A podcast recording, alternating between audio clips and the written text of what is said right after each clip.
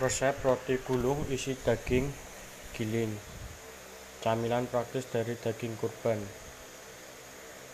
Kamu bisa mengolah daging kurban jadi camilan tidak cuma dimasak jadi rendang atau bakso. Coba bikin daging giling kecap yang kemudian diisi di roti dan dibakar di teflon. Resep ini dari sajian sedap. Sisa daging giling yang tidak habis bisa kamu gunakan untuk topping bakmi atau isian fuyung hai. Resep roti gulung isi daging giling.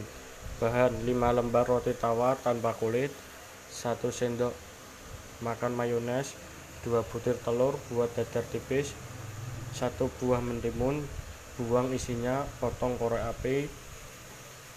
Bahan isi 150 gram daging giling, 2 siung bawang putih, haluskan 1 sendok teh tepung terigu, 2 sendok makan saus tomat, setengah sendok teh kecap asin, seperempat sendok teh garam, seperempat sendok teh gula pasir, 100 ml air, setengah sendok makan minyak untuk ditumis.